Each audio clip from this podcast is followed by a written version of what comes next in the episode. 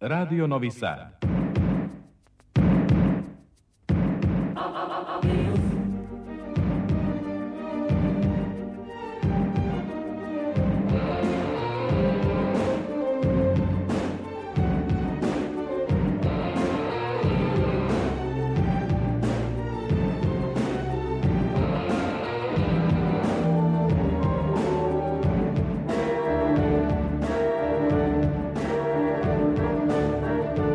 Spektar.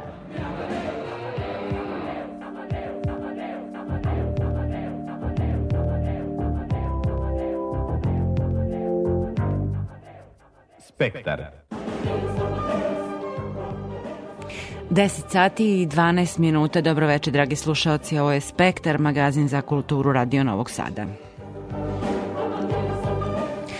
Počeo je Feragosto, ali ne i za kulturu, tačnije likovnu scenu. U večerašnjoj emisiji beležimo više izložbi. Krugove krugova, otvorene atelje na tvrđavi, potom novu izložbu Art Linksa, gostovanje slova, slovenačkih umetnika, nastavak dunavskih dijaloga na izložbi savremene japanske umetnosti, potom svečano zatvaranje izložbe, rekapitulacija o 30 godina šok zadruge. A osim o likovnoj, večeras govorimo i o filmskoj umetnosti. Počinje festival filmskog scenarija u Vrnjačkoj banji, a i o pozorišnoj. Beležimo dokle su stigli glumci sa Lašarskog pozorišta. Večeras je jedna tema svakodnevna, ali ne svakidašnja u medijima. Predstavljamo knjigu novosadskog istoričara Đorđa Srbulovića Lis je žuto o arhitekturi novog roblja u Novom Sadu. Ja sam Aleksandra Rajić, Spektar slušate narednih sat i po.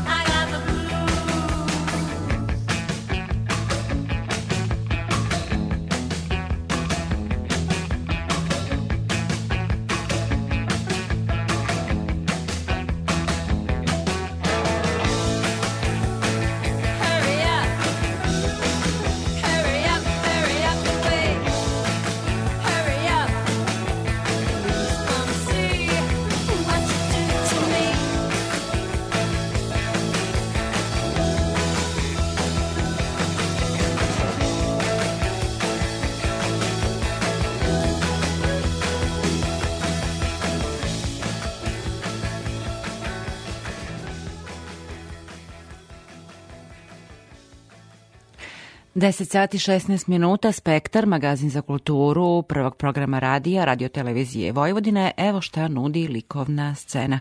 Od večera, stačno od 20 i 22, ateljeji na Petrovaradinskoj tvrđavi otvoreni su da pokažu kreativne energije i umetnosti koja u tim prostorima nastaju već sedam decenije.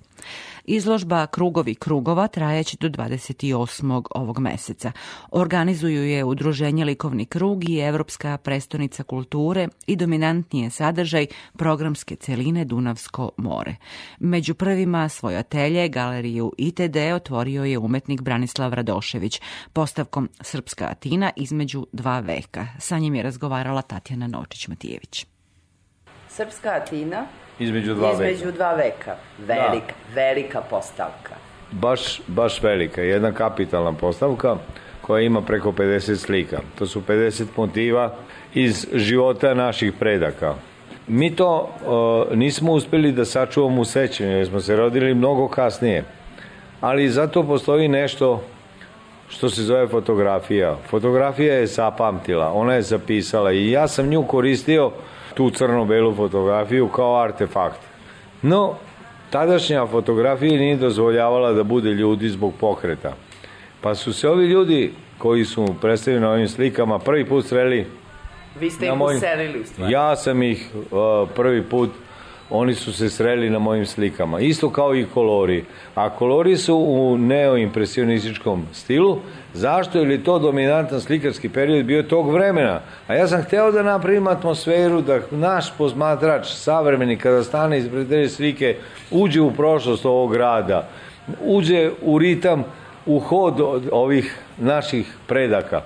I To je to, inače ovo je konceptualni projekat, e, koncept cele izložbe je da se pokaže da su naši preci imali evropske vrednosti pre 150 godina.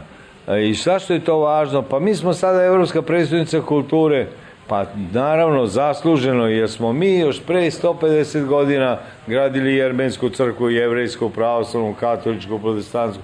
Ta priča o multinacionalnosti, multikulturalnosti je zaživela na ovim prostorima. I bila je jedna priča o normalnosti. I zbog toga to je osnovni motiv zbog kog sam ja počeo da radim ove slike. To sam, to sam upravo sad htela da vas pitam. Sve to jeste, to je istorija jednog grada, ali odakle vama poriv da na neki način referišete snažno... Zato što sam ja treća generacija Novosađana, zato što je moj deda bio trgovac u Novom Sadu, zato što je moj deda govorio nemački, mađarski i srpski perfektno. Za razliku od mene koji znam samo srpski i nemački, ali mađarski, iako sam odrastao u mađarskom kraju, nisam uspeo da savladam. Zašto? Zato što su moji drugari, mađari iz moje ulice, zbog mene, sam ja igrao dobro futbal, išli u srpsku školu. Umesto da ja odem u Mađarsku pa da ja znam mađarski, oni nisu naučili svoj maternji jezik, nego su zbog mene išli u srpsku školu. Što je, eto, neverovatno. Rekli ste da je ceo koncept rađen u tom neoimpresionističkom Maniru. maniru. A tehnika? Tehnika je da je kombinovana, tehnika- tehnika je kombinovana. Prvo je preslikavana fotografija što se tiče ulica i zgrada, kojih više nema, ali ih je fotografija zapamtila. I onda je slikana svaki čovek, svako vozilo, svaka zaprega, svako nebo. I to je skenirano i onda smo pravili pomoću skena i upotrebom najsavremenije tehnologije, pravili smo kolaže i onda je to lepljeno po nekoliko fajlova i onda je to sve zajedno elektronskim putem grupisano i onda smo to štampali laserski na platnu. Tako da to imamo kombinovanje arhajske tehnike, slikarske tehnike, grafičke tehnike i lasera koji je najsavremeniji vid štampe na platnu i to su sve originali. I ova izložba će biti... Ona će biti u toku ove godine, dok god je Evropska predstavnica kulture, s tim što imamo obavezu prema gradu koji nam je podržao i ovaj projekat, podržao nam je još dva projekta, tako da ćemo u novembru i decembru imati uh, sledeća dva projekta, tri projekta koje je grad podržao. Ovo je inače e, deo ove velike priče e, Krugovi kruga. Jeste? Praktično se obeležava 70 godina Od kako su likovni umetnici osvojili kreativne zone Petrovaradinske tvrđave. I sad smo mi to zapravo objedinili i obznanili i javno objavili da ti ateljeji nisu samo neke radionice nekih tamo umetnika, nego da je to jedna živa galerija Petrovaradinska. Svaki atelje je postavka pojedinačnog umetnika, jer ovde ima vajara, ima grafičara, ima fotografa, ima kompozitora. Svi oni daju svoj doprinos. Čemu? Pa kreativnoj zoni u Petrovaradinskoj tvrđavi. Nešto što mi smo prepoznatljivi u svetu, samo što mi jako stiljivo govorimo o našim kreativima. Mi više afirmisujemo anglosaksonsku subkulturu kroz neki exit nego što govorimo o kreativnoj zoni Petrovaradinske tvrđave. Evo, Znate evo za zašto? prilike, pa da. eto, to je jedna mala, to je jedna, jedna kap u moru. I do 28. augusta će zapravo svi ateljeji i svi umetnici Da. otvoriti i, pokazati Da, tu s tim što ću ja svakog vikenda u popodnevnim satima sve zainteresovane provesti autorski kroz izložbu i govoriti o svakom platnu, svakom zainteresovanom turisti, svakom novosađenu, svakom đaku, svakoj učiteljici, svima koji imaju interesovanje za kulturu prošlosti. Pa ovo je, rekla bih, jedna vrlo kvalitetna ilustrovana istorija ovoga grada. Kada pogledam, Likovna o, kada, istorija. kada pogledamo, ovo je zapravo prvi put jedan sveobuhvatni a, ciklus koji je obuhvatio sve delove od periferije, priobalja do samog centra grada. Na izložbi Krugovi krugova u Petrovaradinu učestvuje i Gordana Avdić. Gostuje u prostoru galerije ITD izložbom Kamen na steni. Kaže da sebe ne smatra umetnicom, ali njena interesovanje za kamen traje ceo život. Nekako rekla bih na dobrom vam je mestu postavka. Odlično. Mesto je in. Udarno. Udarno. Imate li strah? Od toga? čega? Pa od tog prvog susreta Pa nema, nemam. Ovaj, ja se dugo već bavim, ovih deset godina organizujem jednu likovnu koloniju u Herceg Novom, mislim, tako da evo, taj strah sam prevazišla davno. Ovde ste odlučili mozaike da nam ponudite. Razne su motivi i kao dve kompozicije imam osjećaj. Otprilike tako. Ja se isključivo bavim mozaikom, ne radim ništa drugo i sem na mozaika jer sam, jer sam našla sebe u tom kamenu. Klasičnim mozaikom sam prvo počela da se bavim i e, mislim da ću se ponovo od njemu vratiti. A ovo je malo bio izazov, jednostavno raditi nešto drugo i sam i iskoristiti taj oblutak koji imamo svuda oko nas, na plaži, na, mislim, pored puta, mislim, jednostavno svuda, svuda ga možete pronaći. Tako da ove, to je nešto, nešto novo, mislim, čega neću i pobeći, ali mislim da ću se vratiti klasičnom mozaiku. Ove kuće ne bih rekla da su novosadske. Nisu. Aha. Ali nisu ni... Nekako su onako opšte. Ja to zovem krive kućice. Ove, nisu one ničije, nisu identifikovane. Mislim, ne postoji mislim, neki određen Toponim, prostor, da, da, da. prostor gde bi se one mogle sv- svrstati. Nešto sam u početku počela sa nekim vojvođanskim kućicama, ali ne znači da se neće ni vratiti. Obično ja sve svoje mozaike proda, ne prodajem, ja ih poklanjam zato što ja ne živim od toga. Ja nisam likovni umetnik, ja sam diplomirani ekonomista kad sam otišla u penziju, počela sam, odnosno neposredno pred toga, počela sam da se bavim tim likovnim kolonijama. Mislim, pa sam onda uz te svoje, sad mogu reći, kolege, počela da stra- pravim nešto i ja.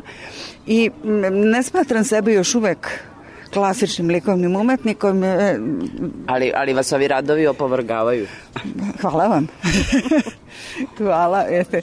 Kao dete sam imala sklonosti prema tome, međutim, posle sam ušla u surovi svet brojeva, prestala sam time i se, međutim, vratila sam se ponovo i se mi, mislim da ću, dok, dok trajem, a kamen traje, mislim, trajati zajedno sa mnom.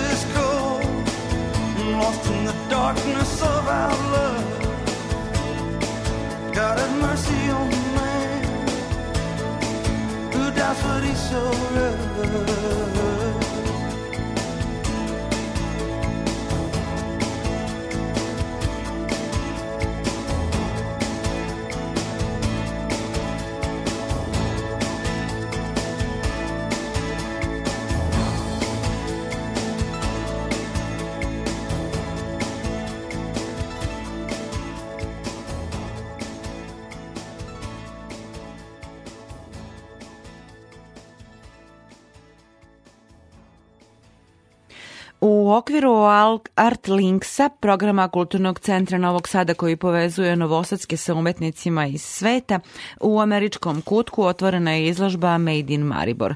Na postavci je pored 16 novosadskih predstavljeno i 48 slovenačkih umetnika. Izazov postavljen pre pet godina slovenačkim umetnicima u formi kocke, idealnog ali nepopularnog formata, dobio je, kažu gosti, novo značenje u vreme pandemije koronavirusa. Umetnički dijalog nastavili su u Novom Sadu, a drvena kocka, izrađena u Mariboru, postala je okvir za razmišljanje o granicama slobode, kaže kustoskinja, kaže naša kustoskinja Maja Erdeljanin. Ove godine pravimo dva art linksa. Sedmi smo već realizovali, a ovo je osmi.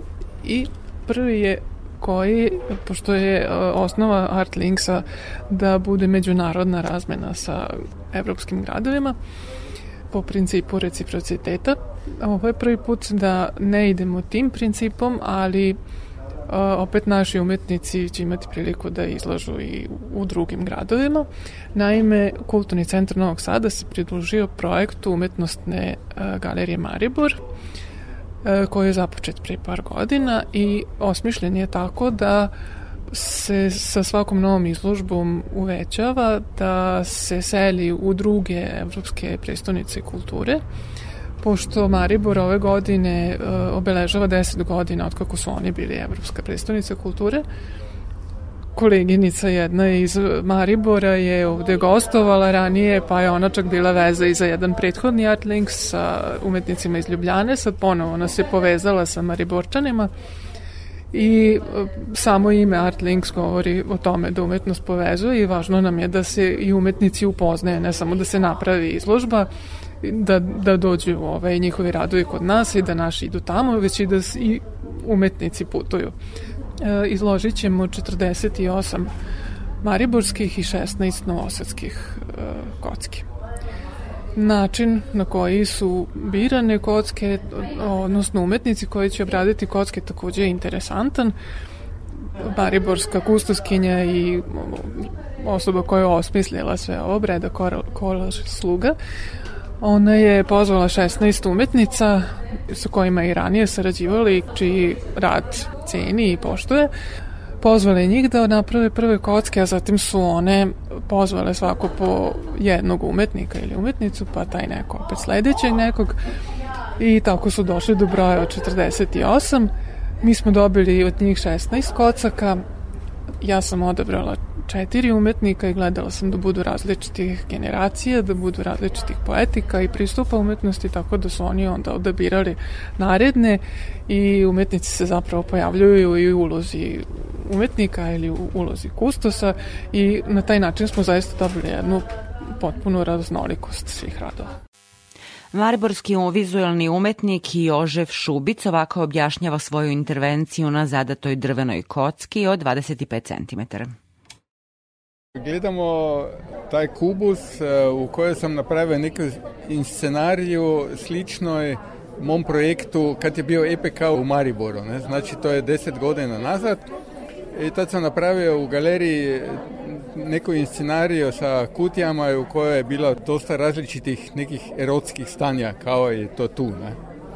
I tako da sam ti, e, tisto e, neko pripovetku stavio unutra i, i stavio sam isto i neku fotografiju onog stanja ispred deset godina kako je bila prva postavka. E, Da, vidimo Kena Barbiku i jednu fotografiju. Ima li to veze sa e, Animalsima? Uh, ja, to tačno, jer e, cijela izložba se zove House of the Rising Sun. Tam slovensko je to hiša skajajočega sonca, sad na srpski ne znam tačno. e, Kuća izlazećeg sunca. Evo, to, ti je, to je izlazeća tema e, tog cijelog projekta. Samo ako e, prečitaju naslov, znači House of the Rising Sun, to im je već e, asocijacija na taj e, komad, na tu pjesmu, a pjesma znači ide o, o kući, o, znači o bordelu i gdje se stvaraju ove fantazije kao na primjer ili kao jedan impresija toki fantazije je sad tu o mojoj kutijici. Ovde imamo 48 slovenačkih radova i 16 novosadskih, ako se ne varam, ali ono što ja vidim što je, čini mi se, prva emocija kad se uđe u ovaj galerijski prostor jeste jedna užasna usamljenost, jedna užasna partikularnost i zatvorenost u svoje kocke. Nisam sigurna da komuniciraju dovoljno međusobno. Da li je to bio osjećaj kad ste radili? E pa mislim, sama kutija je već e, po svoje je kutija, znači da se otvara i zatvara. Kad se priprema izložba, sve je zatvore, onda se napravi postavka i onda je odjednom sve otvoreno. Znači, nastaje, ja sam, kad sam došao tu u galeriju, ova postavka mi je simpatična jer je sve nagužvano unutra, znači kao e, na pijaca, ne imate pijace tu. Ili ne? u magazinu, da. Ili u magazinu, gdje, se, gdje je sve puno svega, puno nekih zgodbi, mislim, meni je to fino. Šta se dešava sa kenovima i barvikama kad zatvorite kutiju? Ja, svako ide u svoju e, sobu. Imam je sobu posebno za Kena i za, za Barbiko. E, Pomenuli ste Maribor kao Europsku predstavnicu kulture, ove godine obeležavate 10 godina Ja. od toga. Mi smo mislili da se zapravo cela ta manifestacija završava, jel da tamo negde u decembru, međutim ispostavilo se da se slavi 10-godišnjica. Šta vam je ta titula e, donela? Umetnicima. Vama lično, naravno. E, meni lično je donela da sam napravio neki novi, e, novi projekat, u stvari napravio sam dva projekta, jedan je taj, jedan je još drugi sa skulpturama. Meni je bilo interesantno, ali po drugoj strani je bilo, e, mi je žao što se nije nešto tako desilo što bi sad još mogli reći da se sjećamo jo kako je bilo sve u Mariboru. Mislim, bilo je fino, možda će biti tu sigurno fino, ne, bilo je s- puno događaja, u stvari nije bilo ni tako loše. Mislim. Vaša kustoskinja kaže da je pre, e, pre, Evropske predstavnice kultura bila gladna novca, da sad više nije toliko gladna novca zapravo.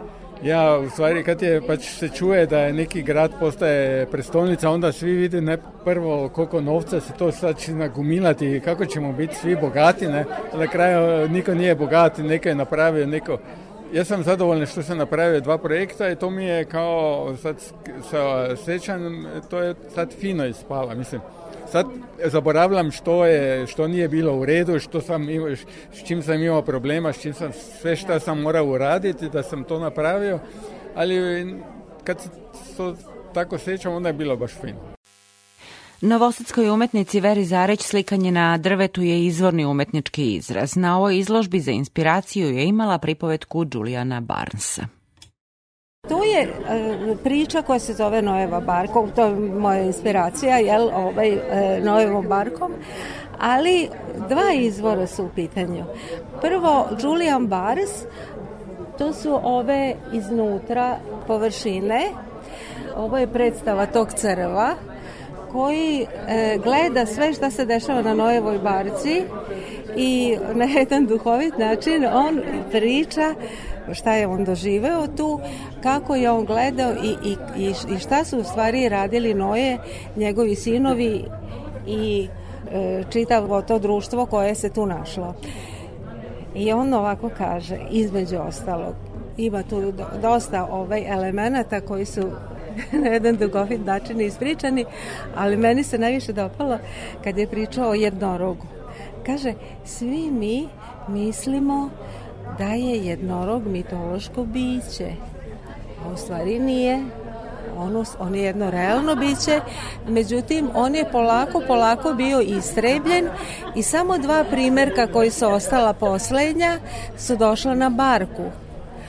Međutim, Noje, koji je stalno bio pijan, koji nikako nije bio pri sebi, on je o, zaklao ovaj, jednog i drugog. Jednorog je napravio pečenje od njih. Tako da, eto, sada mi možemo da kažemo da je to jedno mitološko biće. To su ovi iznutra, a s polja e, druga inspiracija je bila mozaici sa e, crkve Svetog Barka. Ovaj, tako da su tu ovde životinje, onda tu je ovaj, noje ispod čokota i tako, mislim, eto. Ja sam uživala kad sam ovaj, to sve radila. Kad ste dobili kocku i koliko dugo ste radili? E, e, kocku sam dobila ovaj, početkom juna i Maja je insistirala da to bude samo mesec dana i ja sam ceo mesec dana radila tu kocku. Ali ste bili, ja bih rekla, kao svoj na svome, na svom terenu. Vi jeste. inače radite oslikavanje jeste, nameštaja jeste, i drveta. Jeste, jeste. Uživala sam. A pogotovo kad e, sam imala jednu jasnu koncepciju šta ću da uradim, to su dve priče, unutrašnja i spoljašnja i ovaj, to je mene ispunilo. Taj čitavih mesec dana sam ja to ovaj, radila, tako, eto, zadovoljna sam kako ispala. Maribor je, čuli smo, ove godine obeležava deceniju od dobijanja titule kulturne prestonice Evrope i za partnere u umetničkom dijalogu na ovoj izložbi biraju upravo takve gradove. E, Breda Kolar Sluga, kustoskinja slovenačkim umetnicima, e, o efektima te titule deset godina posle ovako govori. Trebao bi trajati deset godina, taj naziv i ta koncentracija razmišljanja umjetnosti i kulturi da bi se moglo stvarno nešto promijeniti. Maribor je bio tako pothranjen, odnosno još uvijek je u smislu kulture, tako da nam ta jedna godina, tek na kraju smo skužili što sve bi se moglo desiti. Znači, ili bi se morali deset godina intenzivno pripremati, najbolje bi bilo da bi bio ta evropska deset godina trajala i taj input novaca, da bi onda stvarno mo mogli pričati o promjenama. I oni koji su se jako dobro pripremili na te prestolnice, zato mi smo dosta slijedili, jer smo bili uključeni sa tim projektom stvarno građe nove galerije, a, ti koji su se dobro pripremili, dobro su istržili taj naziv. A većina nas, koje smo skočili onako sa velikim idejama u taj projekt, projekat, dosta smo, kako bi rekla, ja ipak stojim na onoj strani da taj naziv ostaje za uvijek i u, kad god mogu, provazivam se na njega i borim se za kulturu uz pomoći tog naziva. Znači, na svakom sastanku jesmo li mi prestolnica, za uvijek smo prestolnica. Moramo imati to i to. Tako da mislim da se iskoristiti na taj način, a što što smo sigurno naučili je da je snaga u nekom povezivanju. To smo nekako u Mariboru, ja mislim, uz pomoć te prestolnice kulture prevazišli i dosta se povezali Mislim, mi smo sudjelovali nekako, ja mislim da nam je došlo do uh, dublje do savjesti kako je važno da se povežemo i da se predstavimo, uh, da smo jači kad se predstavljamo skupa.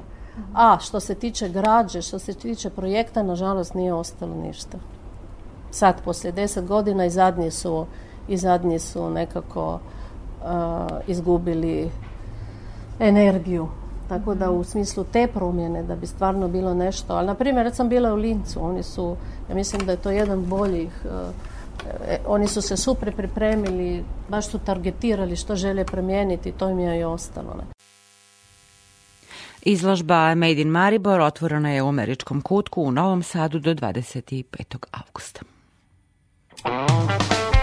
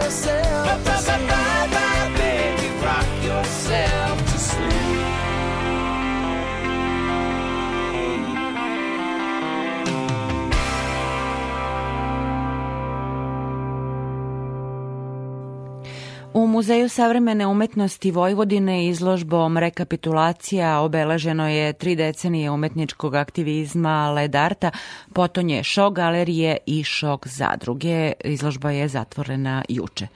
Inicijalni performans zamrzavanja umetnosti za neka bolja vremena odigrao se kao reakcija na Vukovar 1993. u Beogradu.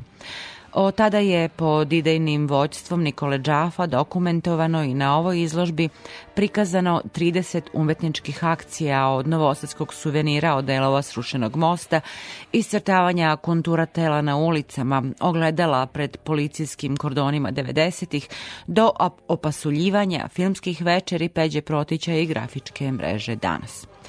O utiscima nakon retrospektive razgovaramo sa koordinatorom programa Željkom Grulovićem.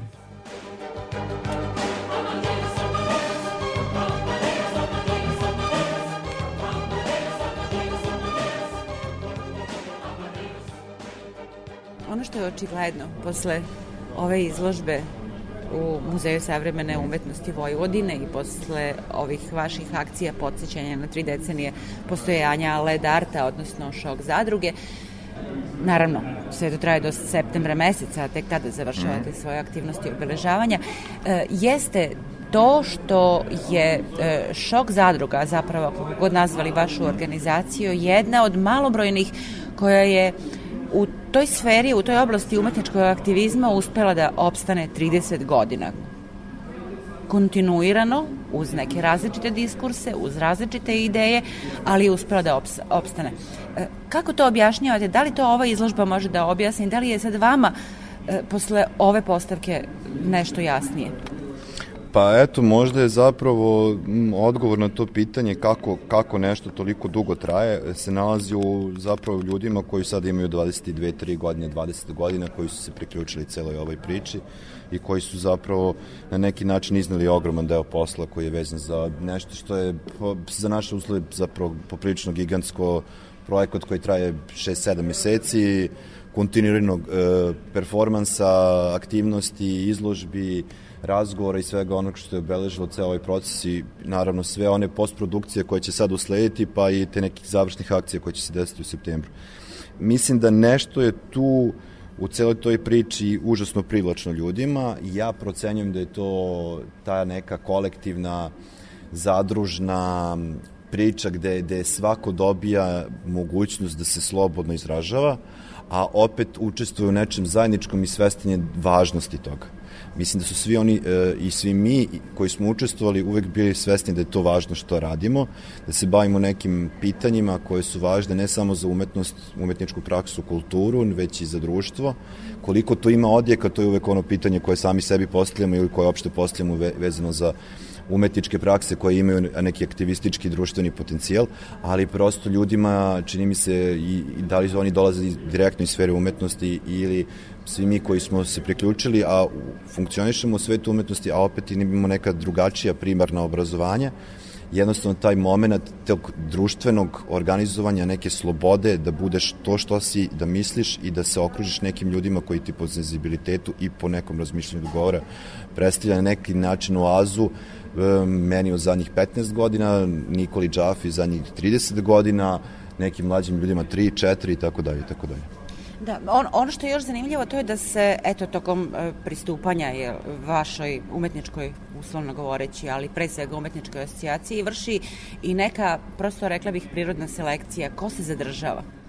Zadržavaju se, ja mislim, pre svega oni koji hoće da rade.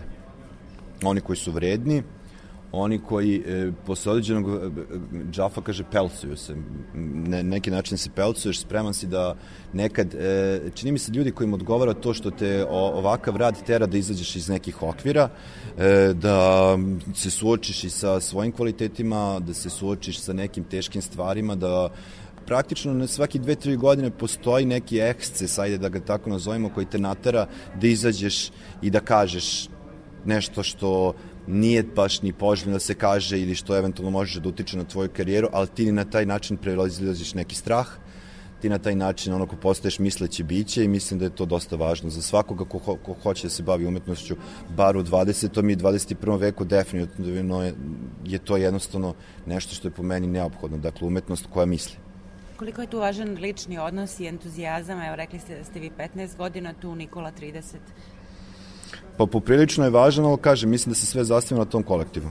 I sad pitanje je naravno koliko je ta kolektivna praksa danas važna u 21. veku u svetu kom, kome živimo i kako je, je već 30, 40, 50 godina posto sve više i više postaje individualistički, da li je to neki beg... Partikularizovan s jedne strane, a s da. druge strane umrežen. Jeste, pa da li to je ta, ta, taj, taj besmisao današnje umreženosti koja je po meni lažna, da smo mi svi umreženi kroz neke virtualne, neke avatare, neke eh, hibridne identitete, gde, gde je naš zapravo identitet ono što nam je najbliže i najpotrebnije, a to je pra, prava neka ljudska komunikacija pati. Tako da pitanje da li smo više ili manje umreženi, naročito sad evo ako uzmemo ovaj zadnjih dve, tri godine i ove korone i svega i kao je, nikad više nismo komunicirali preko nekih mreža da se uopšte ni ne viđamo.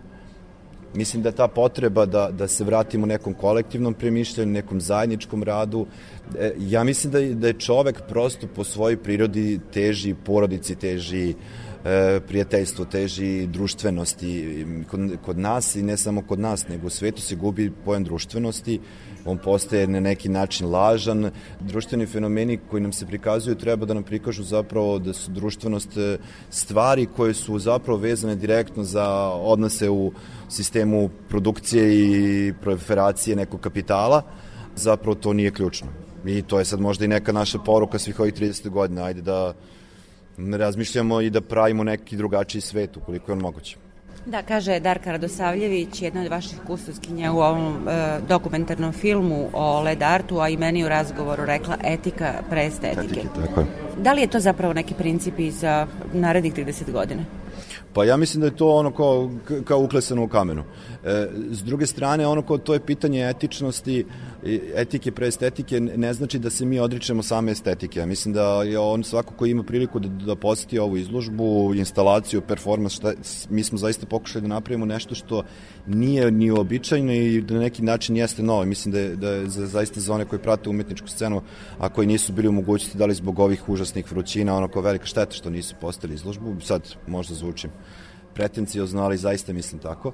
Yes. Tako, tako da ta, ta estetika koja se tu pojavila je važna, ali i dalje ostaje to etika pre estetike. Dakle, e, od, puno odricanja radi svojih saboraca je nešto što je, čini mi se, obeležilo svih 30 godina. Da li je to Pelcer Ni- Nikolinog grada koji se odrekao i svoje umetničke karijere, koji danas nema penziju, koji je prošao kroz mnogo toga što nije morao da jednostavno nastavio da slika, već je on bacio tu što bi se reklo kičicu, izrezao svoje umetničke radove, prebrojio ih u belo i krenuo da se bavi jednom umetničkom praksom koja je pre svega bila postavljena na etičkim standardima, koja je zahtevala da se umetničko delo samo topi, nestaje, ne, ne, ne materializuje da bi se posle mogao kor- koristiti kao neki ovaj predmet s kojim može da se trguje. E, to preneseno na sve nas, ali i svi oni drugi ljudi koji su učestvovali, morao bi da podsjetim na, to je preko da. 500-600 ljudi koji su dali zaista veliki doprinosti. Tako da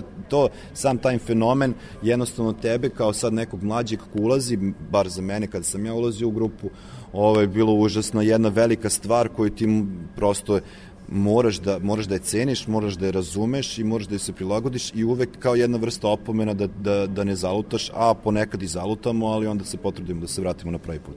A to je zapravo bilo očito na ovoj izložbi. Tako je. Hvala vam.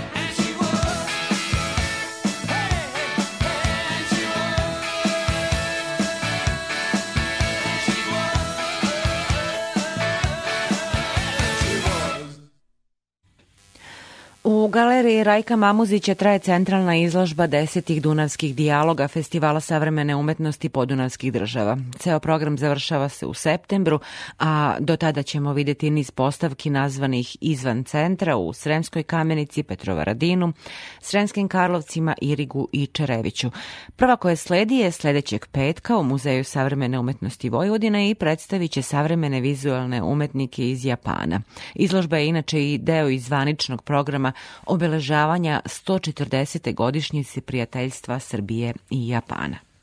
Postavka u galeriji Rajka Mamuzića, centralna postavka koju možete vidjeti još dva dana, predstavlja promišljanja temišvarskih i novosadskih umetnika o temama estetike, etike i ekologije, a kustos je likovni kritičar Sava Stepanov. Izložba je posvećena ekologiji, kako se vidi iz, iz naslova, ali meni je ovde važniji taj drugi deo te konstrukcije, odnosno etika i estetika. Jel, zašto je to važno? Zato što se u današnjem svetu zaista radi o nedostatku etike. Naj, po najviše. Estetika je čisto umetnički ovaj, problem i ne treba ga shvatiti kao težnju ka lepom, ka stvaranju nekih lepih situacija zavodljivih, nego kao jednu nameru umetnika da kroz jedan estetski sistem zapravo nametne neke moguće predloge za prevezilaženje krize. Dakle, ovde imamo umetnike koji su znali da naprave rad koji se bavi kao što je recimo Kneževićev rad koji su na, da naprave rad koji je napravljen od prirodnog materijala koji poštuje taj prirodni materijal koji ima ekološku svest da, da prirodu treba poštovati ali njegov rad je tako konstruisan da je zapravo to jedan strukturalni rad. Jedan rad koji posjeduje red koji treba da se poštuje i red koji e, može doneti bolji svet. To je, mislim, ceo problem oko ove izložbe i zbog toga smo naglašili tu etiku i estetiku. Ima, ja sam pomenuo Edgara Morena, kaže, čovešnost je u krizi, čovek nije, e, ne može da, iz, da, da izađe iz, iz te krize, nema, nema načina da izađe iz krize i to je opasno. Zapravo vidite kako mi smo ovo ustanovili, ovu koncepciju za vreme covid koji je nametnuo ekološku krizu, koji smo mogli da shvatimo kao odgovor prirode na nemar čoveka prema prirodi, jer celu tu pandemiju, ali nije se pandemija još ni smirila, mi imamo drugu vrstu krize koja je još opasnija i koja je takođe i ekološka, ali je zapravo ono više etički problem. I taj razgoropađeni kapitalizam i psihologija profita sve drugo ovaj, ruši i ugnjetava. Prema nekim merenjima, odnosno prema Forbesu, 300 i nešto ljudi ima veći kapital od ostalog dela sveta. I mislim, tu, tu priča počinje i tu se priča završava i tu više nema ni malo, gubi se svaka empatija prema ljudima, odnos prema, prema ostalom svetu, tako da mislim da ovakve izložbe su potrebne jer one neće promeniti ništa, ali će nas osvestiti i doneće neku vrstu mogućih, kako da kažem, uvođenje neka moguća stanja da bi živeli bar malo bolje i bar malo komotnije, da tako kažem. Koliko je to e, dobro za umetnost, opasno ili već kako bismo nazvali to što recimo umetnost stalno uzmiče, zapravo ima odstupnicu u etici i obrnuto, etika se sjajno osjeća u umetnosti. Jeste, da, to, to je zanimljivo pitanje, ali to je sudbina umetnosti. Nema tu, ona mora time da se bavi, jer što se više e, stvari menjaju, bilo je pokušaj umetnosti, recimo jedna američka istoričarka umetnosti i teoretičarka je rekla da je sasvim moguće da e, u narednih nekoliko meseci, godina, umetnost po, potpuno promeni svoje obliče, pa čak i možda da nestane, pa ja to sad ne verujem. Ne može da nestane, ali mora da čuva tu etičku, estetsku kategoriju. Ona neće biti prava umetnost onog momenta kad to izgubi. I zbog toga mislim da to nikad se neće desiti, jer uvek dok ima e, sveta, mislim, morat će da se, da se o tome vodi računa, odnosno oni koji to rade će o tome voditi računa. Jer inače, ako to nestane, nema onda umetnosti, zaista.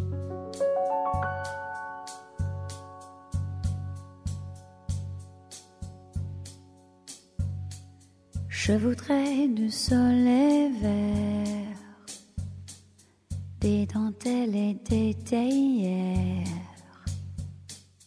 des photos de bord de mer dans mon jardin d'hiver. Je voudrais de la lumière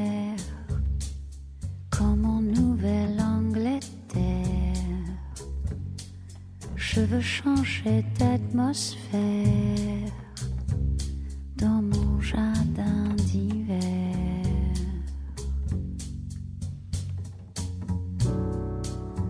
Ma robe à fleurs sous la pluie de novembre, tes mains qui courent, je n'en peux plus de t'attendre.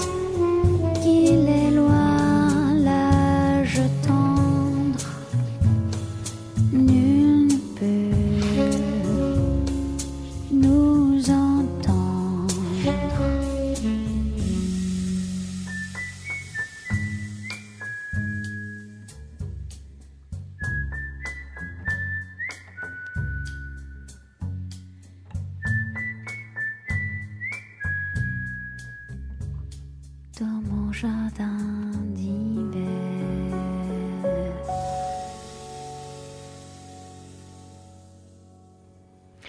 Festival filmskog scenarija 46. po redu biće održan od 12. do 16. avgusta u Vrnjačkoj banji. Otvaranje će obeležiti premijera filma Ala je lepa ovaj svet reditelja Filipa Čolovića. Na letnjoj pozornici Dan- Danilo Bata Stojković biće prikazano 15 filmova nastalih između dva festivala. Kako napreduju pripreme i šta publika može da očekuje od ovogodišnjeg izdanja, čućete od Saše Milenkovića, direktora kulturnog centra Vrnjačka banja koji je ujedno i organizator festivala. Sa njim je razgovarala Ivana Maletin-Ćorilić.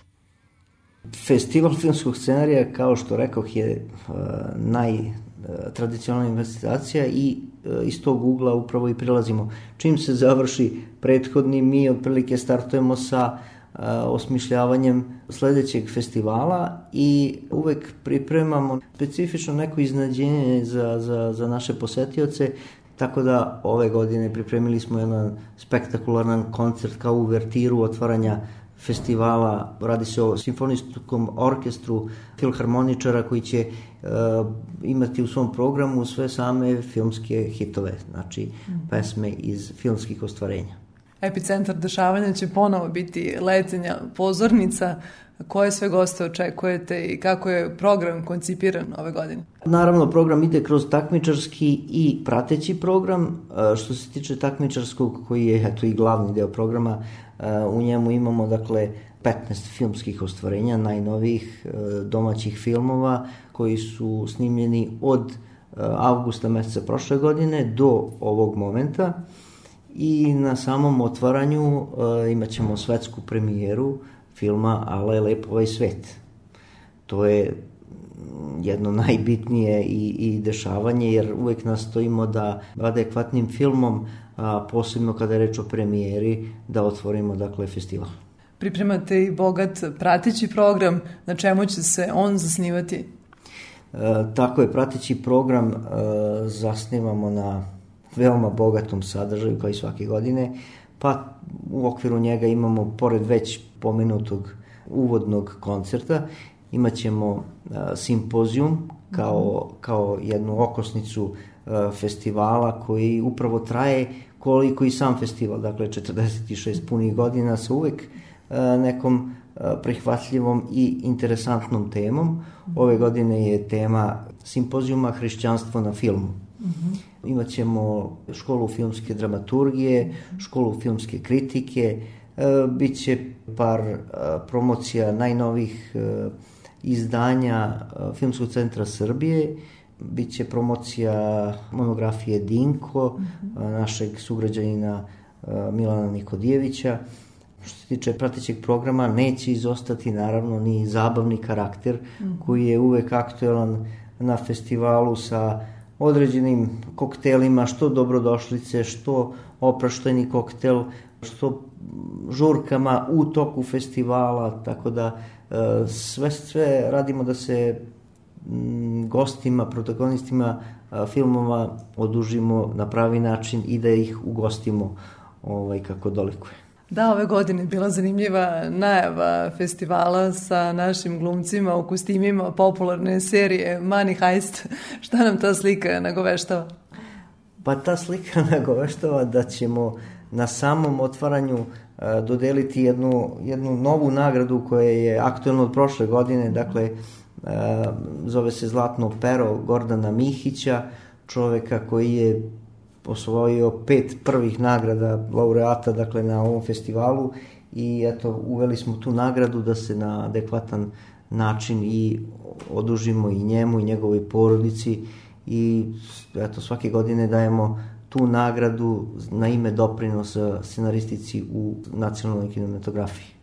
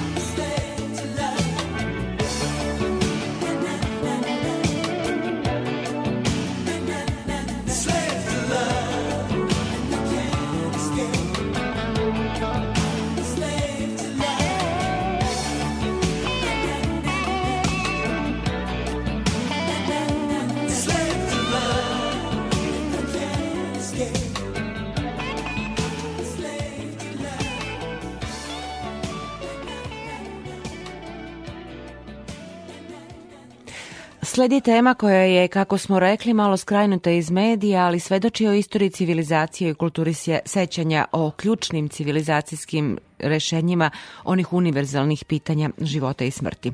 Groblja su urbanističke celine specifične atmosfere. Reč je o takozvanoj sepulkralnoj arhitekturi koja je često i deo kulturne baštine. A šta je sa savremenom arhitekturom grobalja, o tome govori nova knjiga novosadskog istoričara Gradskog zavoda za zaštitu spomenika Đorđa Srbulovića. Objavljena u izdavačkoj kući Promete, knjiga daje istorijat odnosa Novog Sada prema ovom pitanju i kratak pregled novosadskih grobalja kao kulturno-istorijskih celina.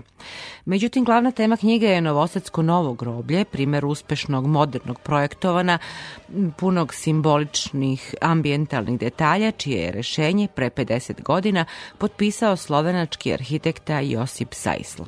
Đorđe Srbulović je dugogodišnji istraživač novosadske istorije. Evo i razgovora zabeleženog povodom knjige Lisije žuto.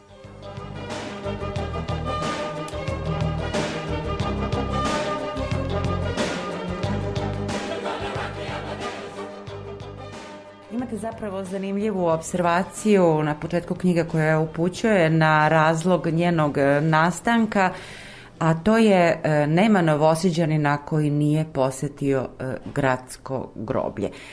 Ova knjiga posmatra groblja sa jednog, ja bih rekla, kulturološkog stanovišta. Znači, groblje se posmatra kao jedan ako mogu da kada kažem kulturološki i civilizacijski ambijent, kao u ostalom u svim civilizacijama kao jedan od naših odgovora na neka ključna pitanja života i smrti. Dakle, razlozi nastanka ove knjige. Da, nisu komunalni razlozi, reč je pre svega o jednom velikom gradskom prostoru, bez malo 80 hektara, u trajanju od skoro 50 godina. 2024. godine će biti pola veka kako to groblje postoji. Mislim da nije imalo, nema prateću adekvatnu publikaciju. Svi mi znamo šta je gradsko groblje, u tom smislu da nema novosadjana koji nije otišao na nečiju sahranu i nema novosadjana koji nije išao nekome na pomen, ali u suštini da malo toga o tom groblju znamo, o njegovom istorijatu, o idejama za nastanak, o njegovim projektantima, šta se gde nalazi i šta sve čini. Tako da je to jedan, e, zamišljeno kao jedan baš tako kulturološki vodič kroz vreme, gde su opisana prvo i dati istorijata svih mesta za sahranjivanje u Novom Sadu od 1690. godine do danas, zatim ideja za nastanak i potrebe za nastanak jednog centralnog gradskog groblja, dotle su groblja bila konfesionalna, putevi i načini njihove realizacije, sve dok se to nije uzbiljilo i dok se tome nije temeljno i odlučno pristupilo, može se reći od 50. godine, a baš konkretno od 60. godine kada je definisana konačno lokacija, kada je raspisan konkurs 62. godine, kada su pozvana najveće imena jugoslovenskog tadašnjeg urbanizma i arhitekture iz Ljubljane, iz Beograda, iz Zagreba, iz Novog Sada i kada je jedan kompetentni žiri odlučio da usvoji projekat koji nosi naziv i ova knjiga, a to je Lisje žuto. Bio je to projekat Hr Zagrebačkog hrvatskog akademika, arhitekte i urbaniste Josipa Sajsla, koji je za moto svog projekta uzeo stih pesme Branka Radičevića i taj stih mu je poslužio kao moto za način razmišljanja kako da to groblje osmisli kao ne samo mesto smrti i nepreglednih humki grobova, nego mesto obnavljanja života i razmišljanja o životu i on ga je tako i projektovao sa svojim saradnicima, suprugom, profesorom Kolencom, Bernardom Bernardijem koji je radio interijer.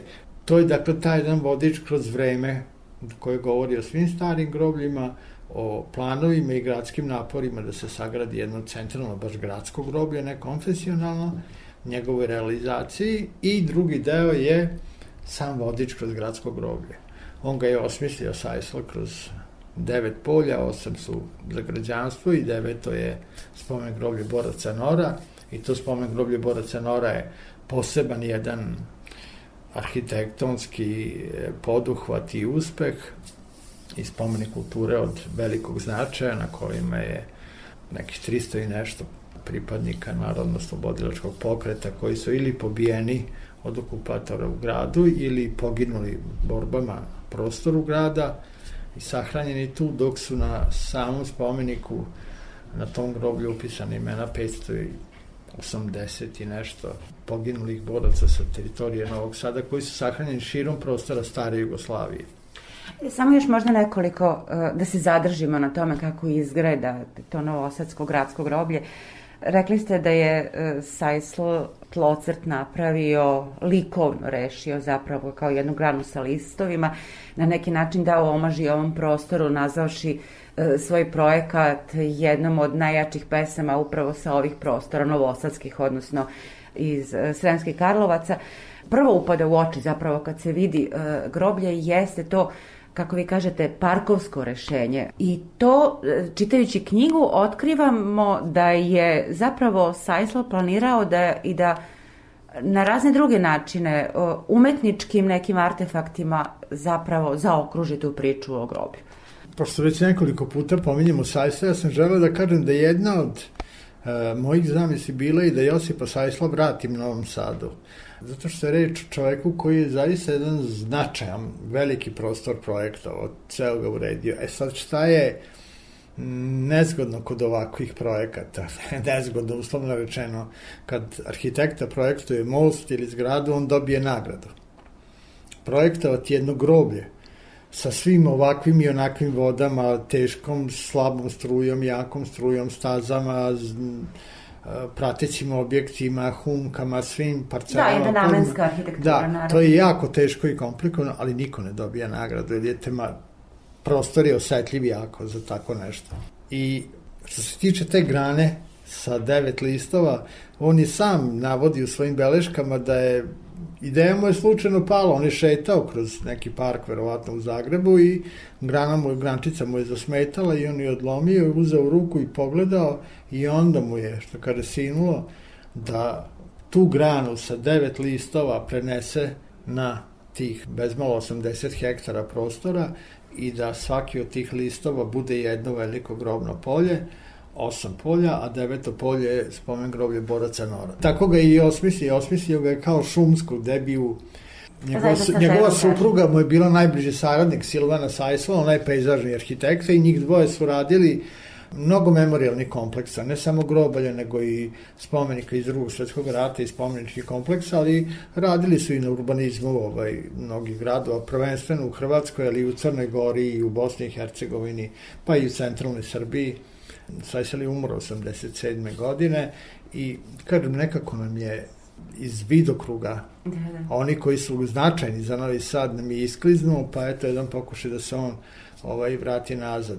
Ideja šumskog groblja je išlo tako da su oni predvideli i planirali i predložili kako da se ozeleni prostor od Novog Sada prema gradskom groblju, taj prvi zaštitni pojas, da to budu zelenila koje pripadaju ovim prostorima, dakle autoktono rastinje i cveće, a onda da se vidu solitera, kako se ide ka sredini, da se dođe do šumskog groblja. I da sve bude zaklonjeno, da sve bude u jednoj intimi. Sajsla u beleškama svojim navodi da je on, i vidi se da je on jako mnogo izučavao tadašnje groblja u Evropi, Sjedinjenim američkim državama, severnoameričkom kontinentu i da ga je užasavala ta ideja beskrajnih umki i golet i te samih spomenika i svega toga i želeo je da zakloni da se tu dobije jedan prostor intime. I sa druge strane i on je imao jednu civilizacijsko-kulturološku zamisao ideju koja se sastojala u tome da je on predvideo odmorišta, fontane, česme, skulpture, mm, klupe, gde bi ljudi mogli ne samo da odu na grob, ono što kaže da se isplače, održe pomen ili neki, nekoj sahrani polože cveće, pale sveće, nego da bi moglo da bude i mesto razmišljanja o životu, eventualno i nekih susreta sa drugim sličnim ljudima i tako da se dobije jedna viša dimenzija. Zbog toga i danas kad čovek ode na gradsko groblje u Novom Sadu, on nema utisak gde je na grobu.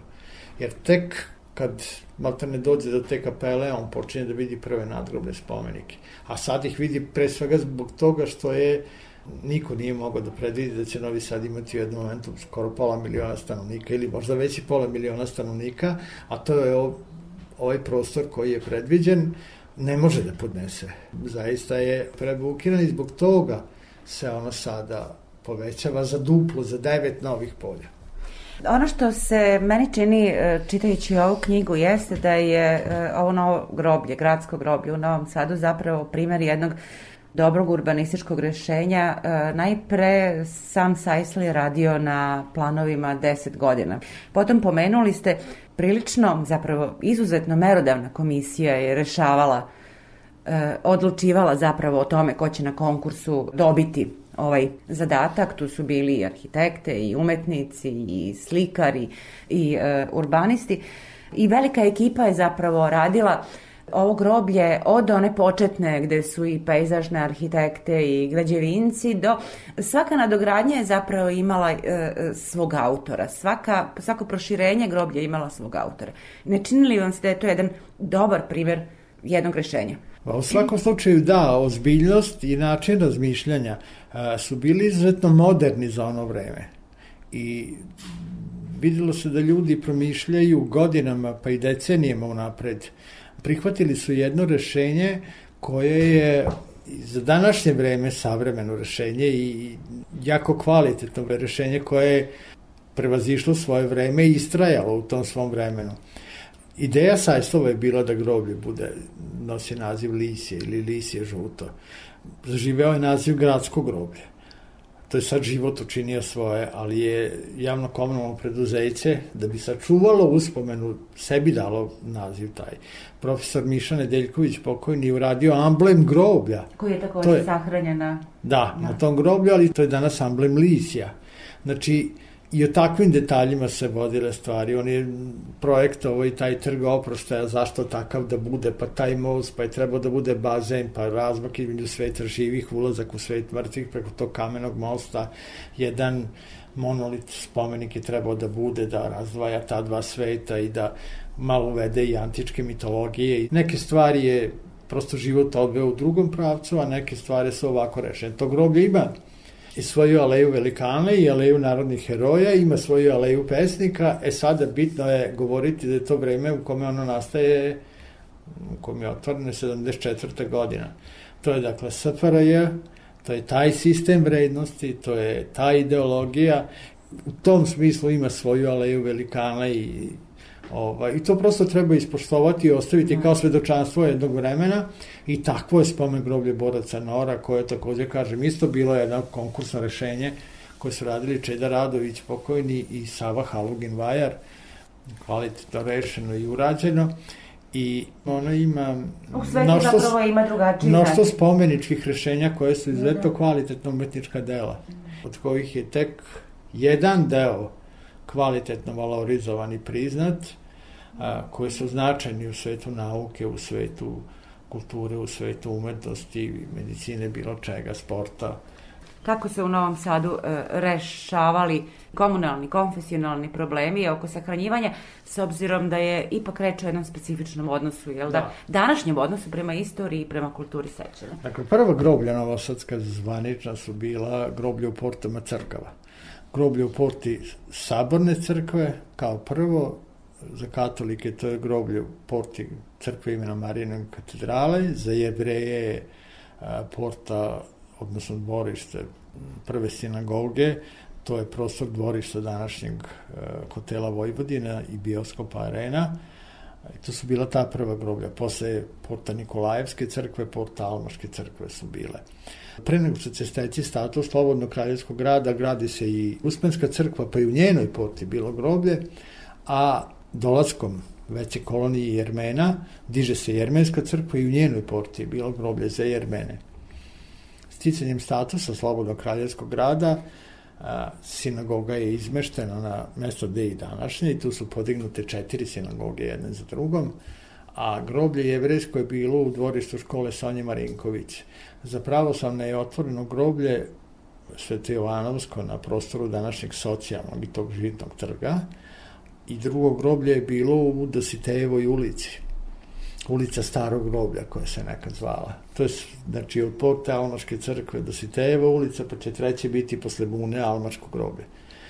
Za katolike je otvoreno groblje u porti crkve Svetog Roka na početku Futočke ulice do bombardovanja.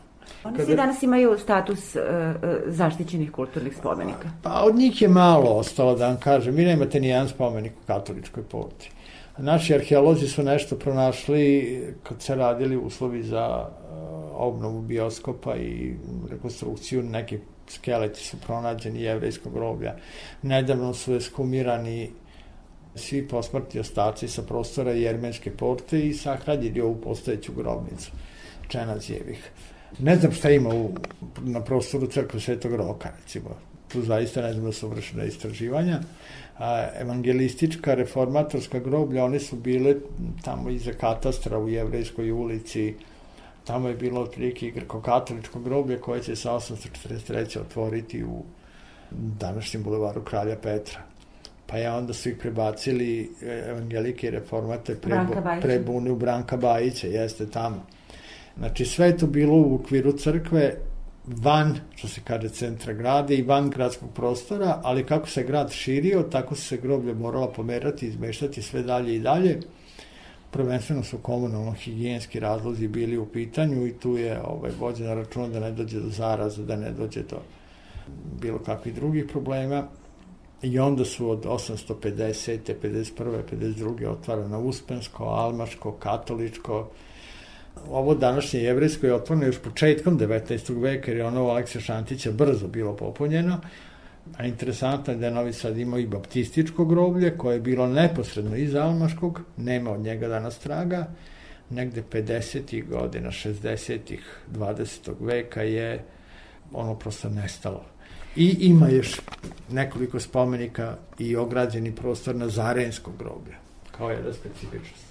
Koliko ta groblje danas imaju e, taj neki kulturni i istorijski značaj i ko je naravno od, eto, ako možemo tako da kažemo, važnih ljudi e, s- sahranjen na njima? Manje više sva stara groblja, kako ih mi zovemo, ili groblja van upotrebe, su spomenici kulture, pri tome su Uspensko, Almaško, Katoličko sa evangelističko-reformatorskim vojnim i jevrejsko groblje su spomenici kulture od velikog značaja, celine od velikog značaja, a ova ostala stara groblja su samo spomenici kulture, dakle nemaju taj veliki značaj. To što je sačuvano, a vredno je od Uspenskog groblja da imate jednog Miletića ili Jašu Tomića ili a, Jovana Obrenovića, brata kneza Miloša ili ili Mihajla Polita Desančića ili na Almaškom, sad ovako iz glave govorim. Na Uspenskom imate čitavu jednu parcelu belih Rusa koji su tamo sahranjeni. A, Na Almaškom imate i ne znam, Đoku Mijatovića, imate i Jelku Jovandić, čiji su sinovi stradali u raciji, Lazu Telečkog, imate Ružića glumca, imate takođe tu su roditelji Mileve Marić Einstein, e, sahranjeni na tom groblju, ti spomenici se polako obnavljaju. Nekog će svakako izostaviti, ili je reč o desetinama nadobnih Naravno. spomenika na katoličkom groblju vam je jedan Felix Parčetić koji je bio veliki župan, njegovo je zgrada matičarskog danja, on je to podigao. Mnoštvo gradonačelnika Novog Sada je sahranjeno tamo. Našli smo nedavno i spomenik, ne nedavno, pre nekoliko deseta godina, možda i više spomenik uh, Sauterov koji je radio čuveni plan Novog Sada iz 1895. i koji dan danas slovi kao najprecizniji i najtačniji. Osnivači od Nebanje, Wilt Vilmoš i tako dalje i tako dalje.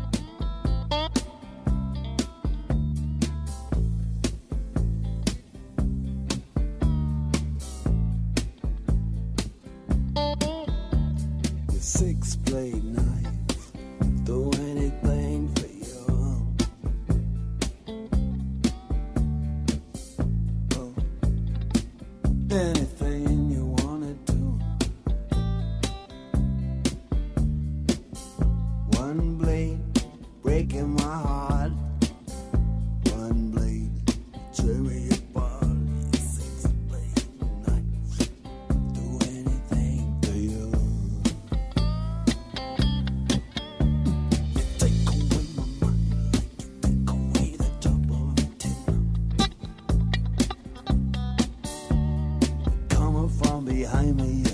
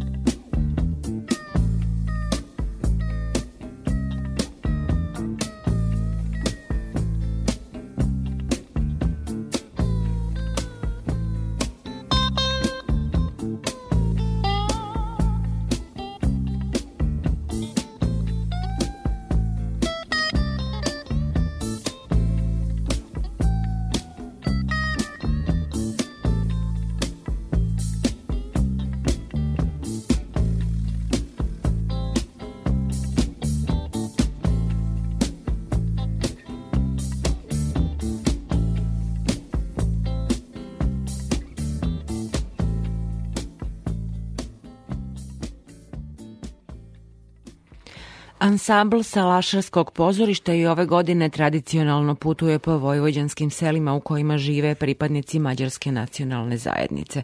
Turneja će trajati do 15. avgusta, a na repertoaru ove godine su Molijerove Skapinove Ludorije u režiji Armina Rica. Ovo pozorište je posebno po tome što već decenijama organizuje predstave na poljima i livadima za publiku koja redko ima priliku da posećuje pravo pozorište. Sa glumcem Zoltanom Devajijem razgovarala je Ana Čupić.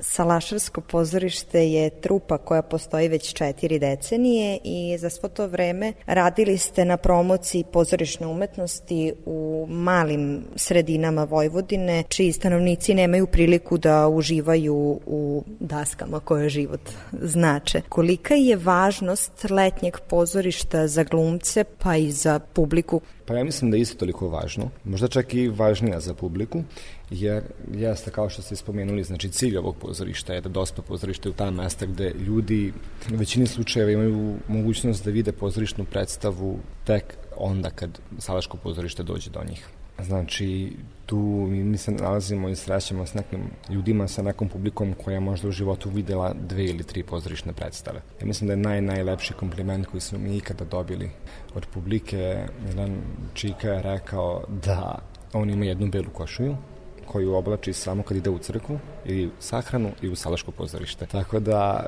zbog takvih e, komentari, zbog takvih nekih um, utisaka je, je, je dobra stvar ovo raditi. A što se tiče glumaca trupa salaškog pozorišta, se svake godine u većini sastoji od studenta Akademije umetnosti u Novom Sadu, mađarske sekcije glume, tako da je ovo, hajde da kažemo, jedna letnja praksa njima. Naravno nije obavezna, ali uvek su svi tu.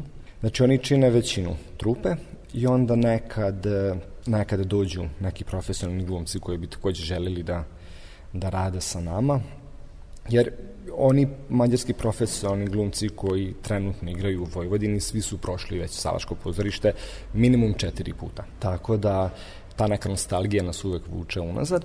I u Vojvodini ima par nekih manjih festivala za amaterske glumce, znači to je festival amaterskih e, trupa ili festival srednjoškolskih trupa i onda se tu takođe dodeljuje neka nagrada kao učestvovanje u predstavi i onda takođe imam tu nekih par amatera u, u trupi. Tako da je bitno, bitno je stvarno i, i, ma, i koliko i glumci ima, toliko i naravno i publici. Koliko članova ima ansambl Salaškog pozorišta? Da li ste zadržali onu integralnu viziju putujućeg pozorišta sa malim brojem članova da bi bilo lakše prosto putovati ili ste to malo promenili i proširili ansambl? Ansambl, kao što sam rekao, svake godine se menja. U proseku tu pričamo oko 15 glumaca. Znači to su dve klase sa akademije, u proseku tu oko nekih 6-7 studenta, puta dva, jer su dve klase u pitanju. Bilo je godina kad, kad je bilo puno gostiju, pa je bilo 20 glumaca na sceni, a bilo je i nekih predstava kad je bilo desetak samo, a ja mislim sad neću da lažem, ali tu negde oko 350, možda i 400 glumaca se ukrenulo, pojavilo na, na našim daskama za ovih 40 i kusur, 44 godine, ako dobro računam, da. Koje predstave na reportaru ove godine i u kojim mestima će se ona igrati? Ove godine e, smo se odlučili za Molijereve Skapinove e, Ludorije i igramo do 15. augusta. Svako veče se igra u drugom selu ili u drugom gradiću. Gore na Facebooku, na zvaničnoj stranici Salaškog pozorišta je gore cela putanja. E, ja mislim ako bi sad izdiktirao ljudi neće da zapamtiti tako da evo to je tako najsigurnije. Do 15. augusta možete da se nađete s nama u raznim mestima po Vojvodini. U koliko sati počinju igranja i na koji način gledalci mogu da nabave svoje ulaznice? Svako veče se igra od 21 časova. A što se tiče ulaznica, nema ulaznice, znači besplatan je ulaz, ali na kraju svake predstave glumci prođu kroz publiku sa šeširom i onda publika koliko god želi i ume može da ubaci u šešir. Koje glumce će publika imati priliku da vidi ove godine? Ove godine je reditelj bio Armin Ritz, a glumci su studenti Akademije klase profesora Đerđe Hernjaka i Šandora Lasla i imamo jednog profesionalnog glumca koji je završio nedavno akademiju, tako da oni čine trupu ove godine.